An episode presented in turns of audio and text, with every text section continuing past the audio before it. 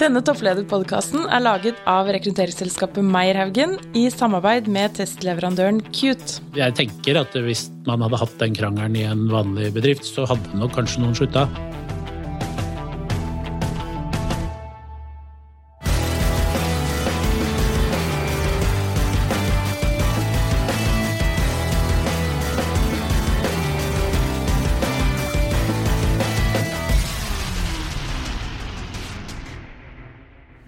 Ellen, har vi eh, to veldig interessante gjester i dagens topplederpodkast. Ja, i dag så har vi fått besøk av noen veldig spennende og litt sjeldne gjester, faktisk. Som driver i en bransje som ikke alle er så veldig godt kjent med. Velkommen til dere, brødrene Strøm-Larsen. Takk for det. Jan og Erik Strøm-Larsen. Eh, dere, mange, mange, kjenner jo til eh, butikken deres. Dere har jo en butikk på Torshov, og så vet vi også at dere driver med mer enn det.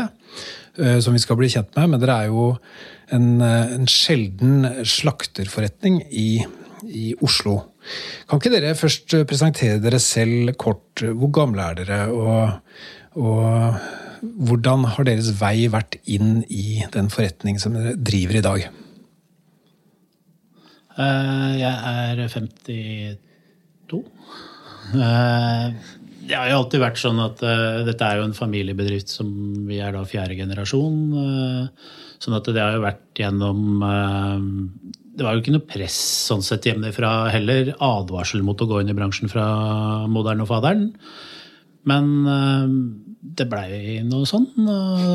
altså, det er jo et eller annet som er lett å følge kanskje i foreldrene sine fotspor. men og så syns jeg det har vært morsomt. Og så begynte jo jeg Jeg er jo tre år eldre enn Erik og begynte først. Og så kom han inn også da når han var ferdig med skole og militæret, egentlig.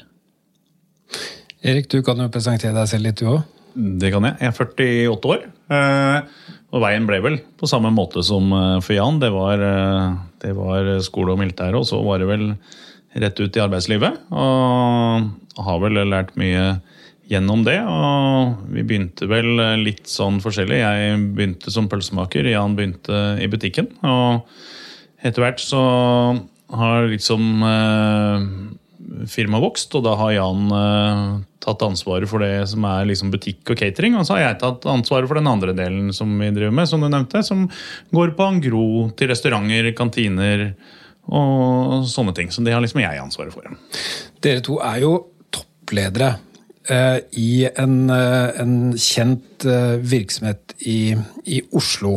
Men når jeg spurte når dere kom inn i studio, spurte jeg hva er egentlig tittelen deres. Hva var det du sa da, Erik? Nei, vi har vel egentlig ikke noe tittel. Jeg er ikke så opptatt av tittel. Men det er jo også litt sånn at når man er ute, så holder det ofte å hete Strøm-Larsen når man da har de hørt om det likevel, så det er ikke så farlig om vi har tid til egentlig. Men formelt sett så er du, du er leder for én en enhet, og så er du daglig leder i selskapet, Jan, er det riktig? Ja, det stemmer.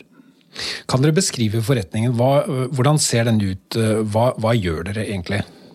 Eh, vi er jo på en måte en gammeldags kjøttforretning, selvfølgelig med vi kan si at Utvalget har selvfølgelig utvikla seg litt, men eh, før så var det jo veldig mange kjøttforretninger. I Oslo så lå det jo 350 kjøttforretninger på 60-tallet. Eh, nå er det vel to-tre stykker igjen. Eh, og det er jo litt det samme som har skjedd med alle spesialforretninger. I det øyeblikket supermarkeder og sånn kom inn, så blei det jo færre. Sånn at, men vi har jo vært på en måte tro mot mye av det tradisjonsmaten vi har. Vi har jo et stort utvalg i kjøtt i forskjellige varianter. Og så har selvfølgelig produktene utvikla seg mye på pølser og pålegg og pateer og salater og ferdigmat og sånne ting. Dere har jo noen helt fantastiske pølser, det, det, vet jeg jo. Men det er sånn at eh, dere har forretningen på Torshov, og så har dere en Angro eh, et annet sted i byen? Ja, vi har jo, på Torshov så har vi butikk da, og um, cateringkjøkken. Og så har vi produksjon uh, på Furuset, på Kjøttbyen der. Så der har vi all produksjon uh, av spekemat, pølser, uh, pålegg og skjæring av det vi skjærer. Og der også sender vi jo all angro ut til restauranter og kantiner og, og ned til Torshov. Så hvor mange ansatte har dere totalt da? Eh, Vi har ca. 50. Ja. Rundt 20 pluss på Torshov og i underkant av 30 på Furuset. Ja, det er vel et greit tall. Dere nevnte jo at dere er en familiebedrift. Når startet dere selskapet egentlig? Selskapet ble starta i 1904. Eh, Da drev vel egentlig oldemor og oldefar hver sin eh, kjøttforretning. Eh, Det var Ida Strøm og Oskar Larsen. Og så blei jo navnet ble jo slått sammen i 33, da, så da blei det Strøm Larsen. Og det var da også vi flytta til Torshov. Og siden den gang så har liksom butikken ligget der han ligger i dag. Så det var to konkurrerende slaktere som rett og slett fant hverandre på kjøttmarkedet? Ja, det kan godt si det sånn. Og så er det jo litt sånn Jeg syns det er litt morsom den historien som er rundt. For de drev jo da som sagt hver sin forretning, og oldefar drev da på Frogner, mens eh, oldemor drev på Grünerløkka. Og når de slo seg sammen, da, så bestemte de at de skulle være på Grünerløkka. Og det var uh, egentlig av to grunner. Det ene var at de som bodde på østkanten i Oslo, det var jo arbeidsfolk, sånn så de trengte jo mer mat. Og så måtte de betale for seg, for det var jo ingen der som var kredittverdig. Mens på de som bodde på vestkanten, der, der var det jo Du ble jo sett ned på hvis du ikke skrev i bok og hadde kreditt hos slakteren. Eh, Men det var jo ikke alltid at de var kredittverdige for det. Sånn at eh, det var enklere Det var et bedre salg på østkanten i Oslo, og selvfølgelig enklere å få pengene sine. Og, og hvor mange ledd har det vært da etter Idar og, Ida og Oskar? Eh, Nå er vi fjerde generasjon, og så er jo femte generasjon er jo I hvert fall de første i femte generasjon er godt eh, inne nå med tok fagbrev i fjor og forfjor i, som pølsemaker og skjærer. Og deres pappa, som heter Alf, han er også se i butikken fortsatt. Ja, han jobber hver dag, så ikke så mye i butikken lenger, men han er glad i å være ute og kjøre og levere litt varer til kunder og prate med kunder. Og, og så er han alltid innom butikken. da. Må alltid følge med litt åssen det går. Men han klarer å slippe taket. Nei, det tror jeg, tror jeg ikke skjer. Dette er på en måte livet hans og hobbyen hans og ja, jobben hans i tillegg. Han vil ha referat hver dag hva som skjer. Kan dere fortelle litt om I dag så er jo Strøm Larsen en eh, kjent merkevare. Eh, kan dere fortelle litt om hvordan dere har jobba med å utvikle den? Det er vel litt eh, Skal vi si litt tilfeldigheter. Eh, Det er jo selvfølgelig så har vi jo vært er jo kanskje er jo den siste av de som var av kjøttforretninger i Oslo, som er igjen. Eh, Det har nok gjort sitt, og så har vi selvfølgelig for mange så har vi vært der i veldig mange år. Det er ikke så mange andre type Det finnes jo noen fiskebutikker i Oslo, men ellers er det av de som har vært der lenge, så er jo en av de få. Eh, er, det er klart at vi har jo Det vi kanskje har gjort mest, er jo at vi har vært mye ute i forskjellige arrangementer. eh, eh, vi er jo type bedrift som prøver å si ja til det meste. Litt for mye ja innimellom, kanskje. Men det er klart at samtidig så får du jo noe respons igjen, og det er jo både i forhold til litt TV-aviser som kommer, syns det kan være ålreit å komme til oss. Og, fordi at vi er jo på måte, Ellers så blir det en kjedevridning på en eller annen måte, mens eh, kommer de til oss, så er jo vi uavhengige, og det er det ikke så mange av som er. Ellers har vi også hele veien vært veldig opptatt av produktene vi lager. Kanskje mer opptatt av å lage gode produkter enn egentlig hva de koster. Eh, Sånn at man hele tiden ikke har gått på bekostning av eh, pris da, for å utvikle gode produkter. Det, det, det har vi jo holdt på i mange år, og det har på en måte også gitt resultat i veldig gode pølser, blant annet. eh, Og mye andre gode produkter som vi på en måte er stolte av. Men er det sånn at uh, i deres familie så ser det ut som at uh, skjebnen er staket ut for neste generasjon?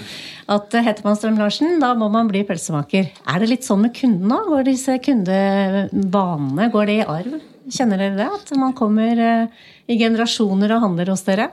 Uh, Det tror jeg det gjør. Eh, Det er veldig mange som jeg møter på kanskje på min alder, og, og kanskje noen litt yngre også, men som liksom hatt bestemoren sin som har handla der og skulle alltid det. Og det er liksom, den storyen hører du ganske mange ganger. Så det, det er nok litt sånn at det går i arv der også.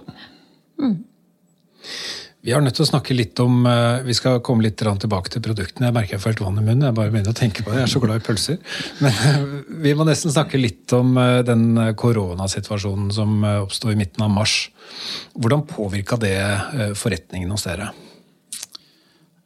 Det har vært litt sånn delt, får vi vel si. Det er klart, De første 14 dagene, eller de siste 14 dagene i mars ble jo veldig spesielle.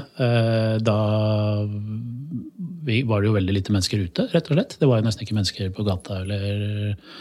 Det er klart, eh, På Angron så var det vel 150 leveringer dagen før og fem dagen etter. Eh, men så I butikken så ble det jo, har det jo blitt veldig bra. Eh, etter med en gang vi bikka over i april og fikk rista av seg den verste skrekken, så måtte vi jo ha mat. Så salget i butikken har vært veldig bra siden. Uh, mye folk har jo lagd mat hjemme, selvfølgelig. Det har jo gått på bekostning av restaurantlevering at, uh, og kantiner, selvfølgelig. Uh, alle har jo hatt hjemmekontor, så veldig mye kantiner er jo stengt. så Der har det jo ikke vært noe levering. Og mye restauranter har jo vært litt sånn opp og ned, og det vi merker jo med en gang Raymond eller Høie er ute og sier at nå blir det sånn, så går jo gjerne restaurantbesøket ned sånn. Og, men motsatt selvfølgelig i butikken, fordi folk er da hjemme. Og det, det som vi ser at kanskje er litt positivt som kommer ut av dette, er jo at mange folk har jo vært hjemme, særlig den tida når skolen var stengt også. Så tok de jo med seg ungene sine og lagde mat og, som de aldri hadde gjort før. For de måtte jo ha noe tolv timer våkne unger hjemme. Det er jo ikke de fleste vant til, så da måtte de jo finne på noen aktiviteter. Eh, så ser vi jo det samme som gjelder på Angro-delen, gjelder jo egentlig på catering-delen. Med, med, en gang de eh, strammer til litt, så kommer det jo masse avbestillinger. Og så normaliserte jo nesten ting seg litt i sommer. Både Det så vi jo både på restaurantsektoren og på catering. Og så var det bråstopp igjen. Mm. Har det vært noe dere har gjort annerledes i denne situasjonen som dere tenker kan gi en varig effekt? Som dere vil fortsette med? Vi har vel eh, i ly av at eh, Angro-delen og restauranter og kantiner stengte veldig, så har vi jo Vi leverer jo på kolonial.no, eh, og det har jo fått en veldig oppsving. Eh, når folk ikke skal ut og handle, så bestiller de jo mye mer varer på nett. og så det har på en måte vært med å hva skal vi si, redde opp omsetningen vår. Det har jo kolonial.no hjelpa til. sånn at eh, vi faktisk Vi permitterte jo en del mennesker til å begynne med i mars, men når vi begynte å nærme oss påske igjen, så var mer eller mindre alle i produksjonen tilbake igjen i jobb. Og det, det var jo veldig behagelig. Og, og, og, det tror jeg også den, det å handle på nett kommer til å vare. Nå blir det en vane for folk. sånn at eh, jeg tror ikke på noen nedgang i de leveringene til Kolonial. Eh, samtidig så har vi i sommer begynt å levere en del produkter på Rema 1000. Så der har vi fått ut eh, Leverer vi jo pølser og pålegg eh, en 12-13 varianter på Rema 1000. Og det er jo også noe som har kommet for å bli, vil jeg regne med. Og som er med å gjør på en måte at eh, vi skal komme oss gjennom disse tidene. Og så blir det kjempemoro når alt er tilbake i normalt igjen, tenker jeg. Som i kanskje alle restauranter og kantiner åpner. Så, så kan det hende at vi får en ordentlig oppsving.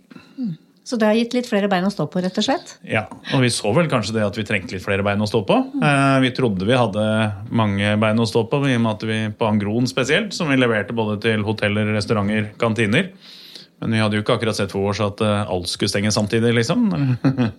så, så, det var en hard lærekurve, for å si det sånn.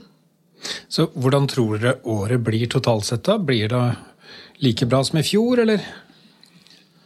Nei, det blir det ikke.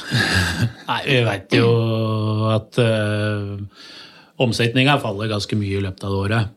Uh, og så er vi vel ganske sikre på at hele, selvfølgelig julesesongen som kommer nå, den blir helt annerledes på restaurantdelen og på cateringdelen. Ja, si litt mer hva dere tenker om det. for Nå står vi her, eh, nå spiller vi inn denne podkasten et par dager etter at vi har fått nye tiltak eh, som egentlig har stramma inn ytterligere. Eh, så hva tenkte dere når dere hørte disse nyhetene på mandag? Var vel ikke så gode nyheter. Eh, kanskje ikke så overraskende, men, eh, men allikevel så, så er det i hvert fall mange restauranter som vurderer å stenge, eh, men som kanskje holder oppe til jul i håp om at det skal komme noen gjester. Mange regner i hvert fall med, med kun halv omsetning fra i fjor. Og, og, da er man kanskje heldig, for å si det sånn, hvis man får det. Så, så sånn sett så, så, går man jo veldig sånne uvisse tider i møte fram til jul, og veldig tøffe. Og så tror jeg jo heller ikke det blir kjempemorsomt på nyåret hvis ikke, det, hvis ikke tiltakene hjelper, sånn at det, det, det blir øh, smittetallet går ned, så, så blir vel perioden i vinter kanskje en vel så tøff, egentlig. Hvordan planlegger dere da? Også hvordan planlegger produksjon og, og driften nå de neste månedene? Det er veldig vanskelig nå, fordi at du veit egentlig ikke noen ting. Og det vi også ser, det er jo litt i at eh, fra kanskje Vanligvis ville folk bestilt litt tidligere, de som skulle på restaurant eller skulle ha catering. Men det er klart, nå sitter veldig mange på gjerdet og venter. Og du veit jo ikke om de kommer til å gå ut og spise eller bestille catering, ha julebord. Eh, vi ser vel at de som bestemmer seg, det er jo mye kortere eh, frister på ting nå. Det er veldig vanskelig å planlegge. Altså, man vet egentlig ikke hva man skal selge neste uke. og Spesielt sånne produkter som pinnekjøtt, da, som er en uh, julegreie. Så Hvis restauranten ikke har noen gjester, så kjøper de heller ikke noe pinnekjøtt. og Det er jo litt sånt som krever noen måneders uh, produksjon, så den skal vel egentlig være ferdig nå. Ennå så veit vi jo egentlig ikke hva vi skal selge. så det blir jo det blir, uh, det blir vanskelig å planlegge hele jula. Den er jo egentlig For å få den til å gå bra i sånne høytider, så må du planlegge litt. Og i år så blir det ikke så lett. Så, så har vi jo, og Den andre faktoren på andre sida det er jo på en måte butikken som har mye mer omsetning. Så um, om det varer til jul Vi vet jo at til jul så har vi ofte bra trøkk fra før av. Så det er jo litt sånn i forhold til hva man klarer å selge. Kommer det på en måte like Fortsetter den trenden med den økningen som har vært ut dette, eller hittil i år? Vi har jo en netthandel som vi på en måte vet at funker til jul, men det er jo litt om å gjøre for oss å få det over på, en del over på det. For folk, mange er jo skeptiske til å på en måte gå inn i en butikk, og er det mye folk der. Eh, vi har jo et lokale som du på en måte kan ikke gå i rekke etter hverandre for å få det du skal, og de fleste som kommer til oss, ønsker jo på en måte å stå langs disken og se det de kjøper. Eh, så vi er jo litt sånn usikre på hvordan det funker i begge deler. Det eneste vi kan sånn sett sikkert si, det er jo at det blir mindre catering og mindre restaurant og mer butikk. Ja. ja Nå har vel butikken hatt ca. 30% økning i år. Ja. Eh, men det er klart at det, det er mange andre av de, det, det, vi driver med, som har hatt nedgang. så det, den, men vi kan jo håpe at han tar igjen til jula likevel. For det er jo på en måte høytid for god kvalitet og og god mat og hjemmekos. Så vi får jo håpe at det løser seg. Men hvis dere tenker på situasjonen etter korona, da, vi får jo håpe at det ikke tar altfor lang tid. Eh, se litt inn i krystallkula. og Hvordan ser framtiden ut for eh, pølsemakervirksomheten? Vi har vel eh, tenkt å fortsette, vi. Eh, vi har jo Neste generasjon er med allerede. Og vi har jo ikke tenkt å gi oss eh, så lett. Så, og vi, som vi nevnte litt før, vi har vel lært en del under koronaen. Fått litt flere bein å stå på. Så når det normaliserer seg igjen, så håper vi vel egentlig at uh, det skal uh, bli bedre enn 2019. Og så får vi se om det blir i 2021 eller 2022. Men, men vi er i hvert fall positive til at det skal gå bra. Ser dere for dere mer samarbeid med de som kanskje i utgangspunktet kan se ut som konkurrenter? Du nevnte både netthandel og Rema 1000 eh, som man tenker på som konkurrenter. Er det, ser dere for dere mer samarbeid på tvers? Vi har vel et veldig godt samarbeid eh, med dem i dag. Eh, og jeg tenker at spesielt på Kolonial så blir nok det et sterkere og sterkere samarbeid hele veien. Eh, jeg ser jo ikke for at vi skal begynne å kjøre ut så mye varer når de leverer såpass mye av våre varer, men vi, men vi, vi har jo netthandel i dag som, hvor folk kan hente varene i butikken. og Det er veldig positivt med sånn smittefare og sånne ting, at de kan bestille det ferdig. Og vi vil, utvide den egentlig neste år med flere produkter og, og lage en bredere utvalg på en måte i netthandelen. Men øh, om vi har tenkt å begynne å kjøre ut varer så mye i stor utstrekning, det er jeg ikke så sikker på.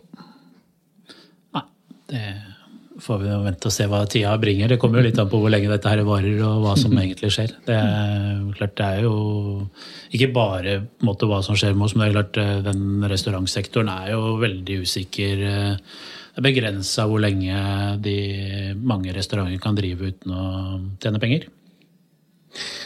Dette med eh, verden blir jo mer og mer digital. Og eh, Har det påvirka dere på noen måte, eller gjør dere jobben sånn som før? Ja, vi, vi gjør vel mye jobben sånn som før, egentlig. Men det er klart på en del ting så skjer det jo selvfølgelig på den hva skal vi si, merkevarebygging og den delen er jo selvfølgelig mer eh, på andre sektorer enn det en var før. Uh, og så er det klart, det skjer jo mye innen på en måte produksjonsplanlegging, uh, merking uh, og sånne ting som er ganske annerledes enn det var for bare noen år siden. Det er kanskje den største forskjellen. Det er jo på en måte presentasjon av varer. Altså, det kreves mye mer i dag på måten varene presenteres, hva de inneholder eh, allergener og næringsinnhold og sånne ting. Så det er kanskje den delen som hva skal vi si, har utvikla seg mest for oss. Sånn, eh, og det er jo å, komme, å få fortalt kundene hva man har og hva det inneholder, rett og slett. Du var inne på det, Erik, at eh, en av nøklene til at dere har klart å beholde og ta en så tydelig posisjon, da, mens eh, du nevnte Jan at var, var, det, var det 60 slakteforretninger i Oslo? Kanskje var det 350. 350 slaktere, og nå er det tre igjen. Så sa du, Erik, at eh, en av nøklene er at dere har vært flinke til å utvikle produkter. Eh, nå sa jo Bismarck at den som eh, vet hvordan pølser og låver blir laget, den forsover aldri godt. Det har du sikkert hørt mange ganger. Kan du likevel fortelle litt om hvordan dere utvikler eh, konseptene deres rundt pølser? Altså, nå har jo pølser gått fra å være hva skal vi si, restemat uh, fra 50 år tilbake igjen, til å være alt fra bryllupsmat til forretter i 50-årslag og, og, egentlig gatheringmat uh, rundt omkring. sånn at Pølser har jo fått en mye høyere status, og det er jo selvfølgelig, det henger jo hop med eh, at det, produktene har blitt mye bedre. Og det, det er jo en eh, voldsom utvikling har vært på pølser. Det, men det er også veldig morsomt å jobbe med pølser. fordi at du, der har du så mange smaksvarianter. Du har grovhet i pølsa, du har kjøttinnhold. Altså det er så på pølsefronten så kan du lage så mye forskjellig. Og du kan lage dine egne varianter. Og det er klart at eh, vi selger jo tarmer i butikken. Og det er klart den hjemlige hobbypølsemakeren er jo sterkt voksende. Man møtes og lager pølser sammen og sånn. Så det, så det er en veldig utvikling der. Eh, men når vi jobber med pølser, så har vi på en måte tenkt vår smaksretning, vår struktur eh, på pølsa, hvilket kjøttinnhold vi ønsker å ha. Og så har vi med Vi har en tysk pølsemaker, og vi har eh, et par norske pølsemakere. Så, så der er det litt sånn fritt fram å teste. Og så jo, kommer jo kanskje ikke de fleste pølsene lenger enn til testpanelet, men, men er, vi har mye gode pølselunsjer. Det, har det kommet noen nye pølser da, som har tatt markedet med storm? Ja, den, eh, Vi har jo den eh, skal vi si, den pølsa som har tatt markedet mest med storm siden Den kom vel for en eh, tre-fire år siden? Fem, kanskje? Tiden går jo fortere enn det jeg tror. Men, og det var jo i forbindelse med Over Oslo-festivalen på Grefsenkollen, hvor, vi, hvor de gjerne ville at vi skulle utvikle en pølse til dem. Og den skulle jo egentlig bare selges der oppe til å begynne med, men den, den blei en kjempesuksess. Det, og det er vel den pølsa vi faktisk lager mest av i dag. Og den, eh, den, har vi, den har jo fra i sommer også vært i salg hos Rema 1000. Og vi leverer den gjennom Kolonial, og vi selger mye av den i butikk, og vi bruker jo selvfølgelig mye av den på grillselskaper når vi er ute og griller i forskjellige varianter. Har ikke vært så mange av de selskapene i år men uh, pga. koronaen. Men uh, ellers er det populært det å være ute og grille gode pølser for firmaer og andre eventer. da. Så er det vel litt det som er med i den utviklingen av produkter også. er jo er ganske sånn tett på både med kunder i butikken, tett på restauranttype kunder. sånn at det, kommer jo ofte litt innspill og ideer og ønsker. Eh, noen er ganske gode, andre er mindre gode uh, forslag. Men, men, det er klart det er, det er, jo mye ideer ute der, og samtidig så har vi jo på en måte spilt ut litt sånn at eh, hvis du ønsker noe som er spesielt for deg Det har jo vært litt sånn at når det er så mye restauranter som det er, så vil kanskje dem noen ha noe som er litt annet, eller mange vil ha noe som ikke er helt likt naborestauranten. Og det, Da får du ofte en del sånne innspill på ting som man kan gjøre, både, ikke bare pølser, men på mye andre produkter også. Og restaurantene er jo ofte litt tidlig ute med Vi ser jo at ofte så leverer vi jo ting til restauranter kanskje et år eller to før folk begynner å etterspørre dem i butikken. Eh, sånn, så det er på en måte, du får være med på en måte mye av den utviklingen og har de produktene når folk spør etter dem. Men ellers er det kort vei fra idé til produkt, så vil jeg tro. Eh, så dere kan prøve ut nye ting. Eh, vi tenkte å snakke om et annet tema også med dere, eh, og det er rundt ledelse. Dere driver jo en virksomhet med ca. 50 ansatte, og dere omsetter, hvor mye omsetter dere for i året da? Totalt? 2019 så hadde vi vel 190 ja. millioner. Ja. Akkurat hvor vi ender i 2020 er litt sånn uvisst, men, eh, men, vi jo håper jo at vi ikke ligger altså, superlangt bak, men at vi ligger bak, det gjør vi. Ja, Så det er en betydelig virksomhet. Eh, kan dere fortelle litt om hvordan ser, eh, hvordan ser en dag ut som ledere i et sånt selskap? Det er jo mye blanda, for å si det sånn.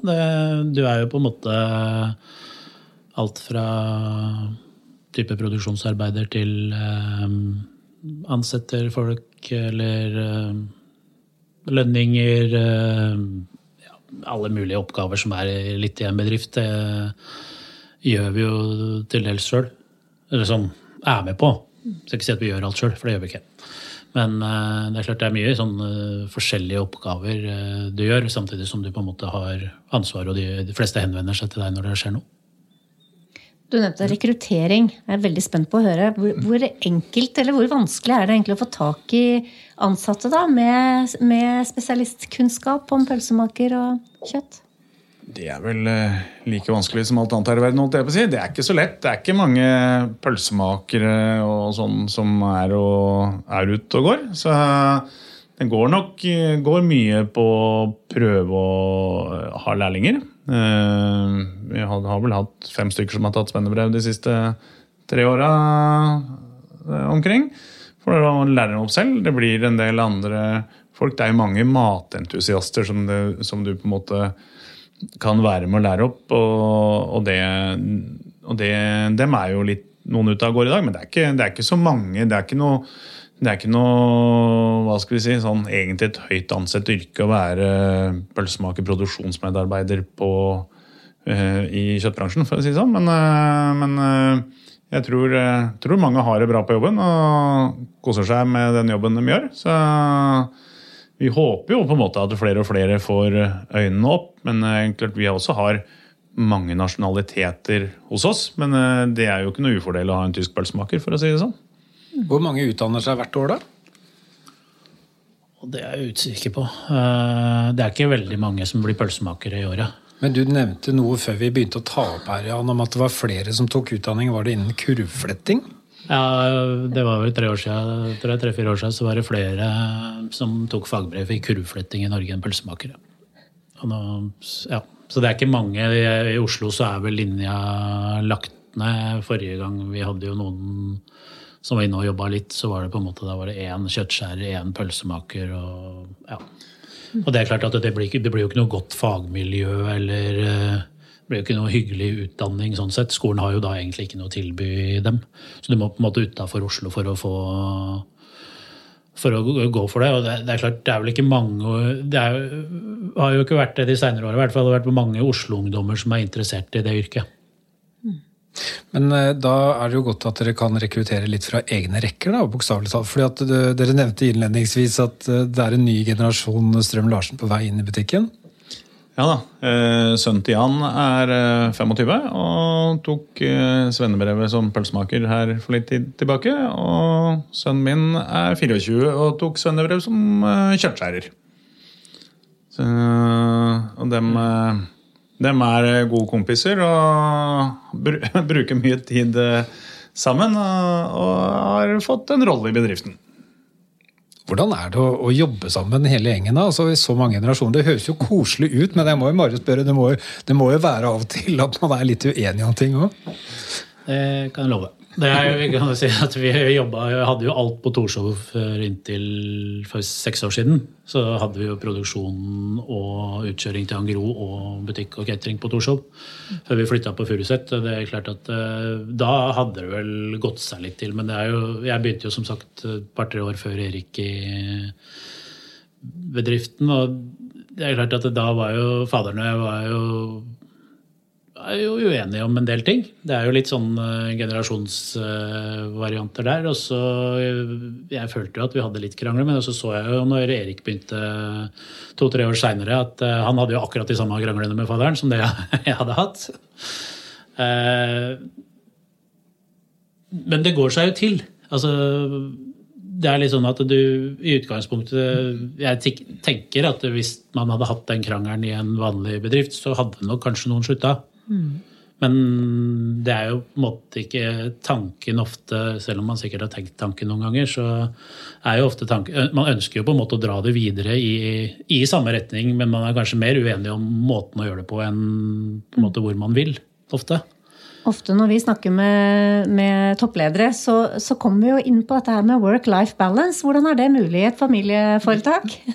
Nei, det blir jo, altså, det, er, det er slutt på søndagsmiddagene. Dem er det litt slutt på. Men det er jo klart at eh, litt som Jan sier, når Jan og jeg begynte der, så omsatte vi vel for 12 millioner. og Faderen eh, ville gjerne ha sin andel av å være sjef, og Jan og jeg ville vel gjerne være litt sjef. og og det er klart, og så har jo firmaet økt eh, da opp til de 190 millionene nå. og Da er det klart at da har vi flere arbeidsoppgaver å dele oss på, så vi slipper å tråkke så mye oppå hverandre. Eh, og det er, det er jo en fordel. Eh, men det er klart at skal det sies at nå har jeg ansatt kona mi også for seks år siden. Så nå har jo jeg både da kona mi og sønnen min og ja, nevøen min sammen med meg. Så dattera har jo egentlig sagt at hun har lyst hun vil finne på noe annet. Det ikke, og det er for så vidt uh, veldig greit, uh, og det står stor respekt av det. Uh, men det blir jo litt annerledes. det er vanskelig å ikke prate jobb når man møtes i en bursdag. Og dem, jeg tror noen av disse kjærestene til sønnene våre og litt sånn forskjellig har noen veddemål hvor lang tid det tar før vi klarer å Hvor lenge vi klarer å ikke prate om jobb når vi møtes. Vi, eh, vi, vi nærmer oss jo jo, eh, vi nærmer oss jo julematsesongen, så vi tenkte egentlig å runde av med litt sånn anbefaling på det. Men jeg må bare spørre aller først. Det er jo to utrolig slanke, fine typer som står her. Hvordan klarer dere å holde dere så slanke når dere har så, så mange fristelser rett foran dere ved disken? Vel på antall timer du rekker å jobbe i døgnet. eh, Hjelper jo det. Du slipper å sitte så mye stille. Eh, det blir jo mye going. Altså, det, det er, du sitter ikke mest på kontoret. Nei, altså det blir jo på en måte litt sånn at du blir ofte kanskje brødskive med leverpostei likevel. Blir man egentlig matlei av å jobbe med så mye god mat hele tiden? Jeg tror ikke, Kanskje sånn litt til å begynne med, for det er jo alltid sånn vi ser jo det sånn litt når nye begynner, og sånn, så skal de smake på alt og sånt nå, og så blir du kanskje litt kurert. Men så, så går jo ting inn i et vanlig mønster ofte, at du spiser mye det samme. og ja. Trives jo veldig godt med å lage mat, men det blir faktisk litt sånn Det blir som de fleste andre, det blir litt ekstra i helgene og sånne ting. På hva skal vi si, I lunsjen så blir det ja, det blir ofte pølse i lunsj, men ellers så blir det brødskive med pålegg eh, i lunsjen. og det ja, det, det, er mye godt, men det blir liksom ikke sånn at det, blir liksom det dagligdagse der også.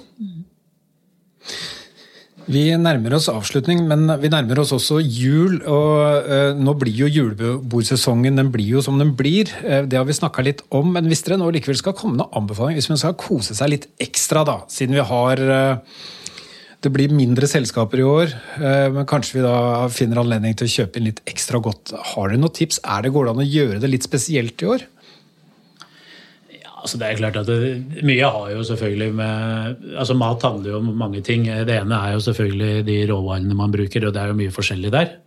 Eh, det er klart det finnes eh, mer type Hvis vi snakker jul, så er det jo frittgående griser, eh, økologiske griser, fjellgriser.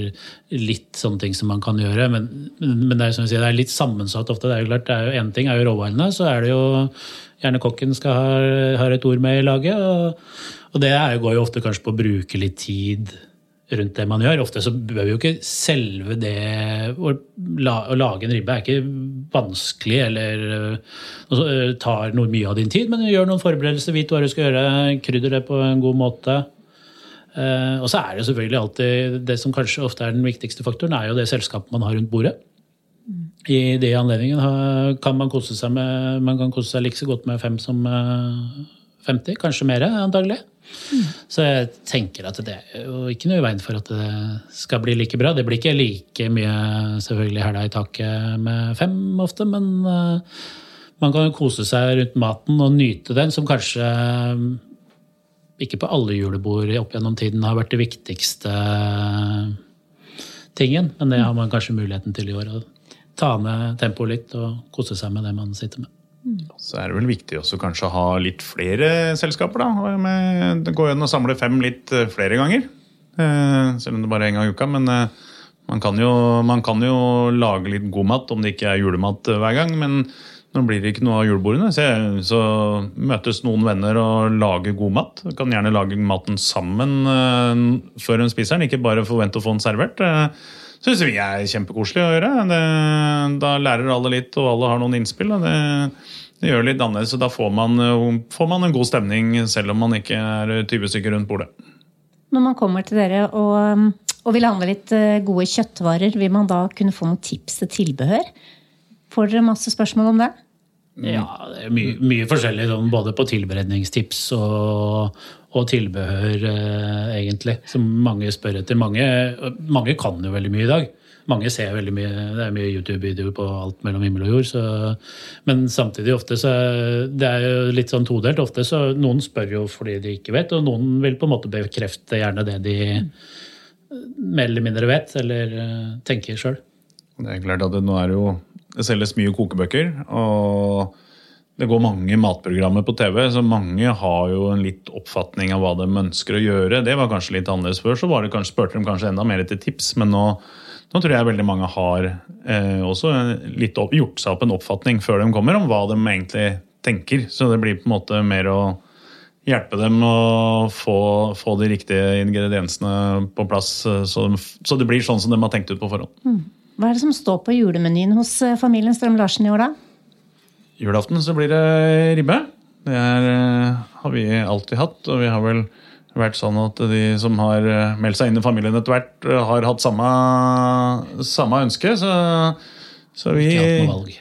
Nei, da har jeg ikke hatt noe valg. Så, så, vi har ribbe på julaften. Men for min del så er pinnekjøttsesongen i gang. Og det er klart at vi må jo smake på det pinnekjøttet vi lager gjennom. Så, så jeg, jeg spiser gjerne julemiddag opptil flere ganger før vi kommer fram til jul. Og du og Jan, du spiser det samme? Vi også spiser ribbe. Vi har hatt noen diskusjoner på om vi skal ha pinnekjøtt, men uh, det detter ned på ribbe hvert år allikevel. Hva med deg, Ailen? Det er det samme. Jeg tror jeg skal prøve begge deler. Jeg gjør. Men ikke på samme kveld, da. Men kanskje, kanskje ribbe på julaften og pinnekjøtt første dag? Det er vel mange som har begge deler på julaften nå, eller som, uh, som har ribbe og pinnekjøtt. Uh, det har jo blitt litt sånn. Uh, men, men kanskje felles er for alle er at det er, ikke, det er ikke så mange som prøver ut og lager ribba og pinnekjøtt annerledes enn sånn de pleier å gjøre. Den er liksom ganske safe, i hvert fall den som er på julaften. Men så er det en oppfordring til å ha julemat og kanskje lage en vri på den eh, enten før eller etter altså jul. Og det er veldig ofte artig. Prøve ut noe annet, men akkurat på julaften så skal det gjerne være den tradisjonelle. Det var veldig, veldig godt tips. Og så må jeg si Det er sjelden vi står og spiller i en podkast av vann i munnen. og det, det har vært veldig hyggelig å ha dere på besøk, Jan og Erik Strøm-Larsen. Tusen takk for besøket og, og, gode refleksjoner som dere har rundt den uh, situasjonen som dere står i. Og lykke til med julesesongen. Takk for det. Takk for besøket. Takk, takk. Har du innspill eller kommentarer til denne podkasten, kan du sende en e-post til toppleder at meierhaugen.no.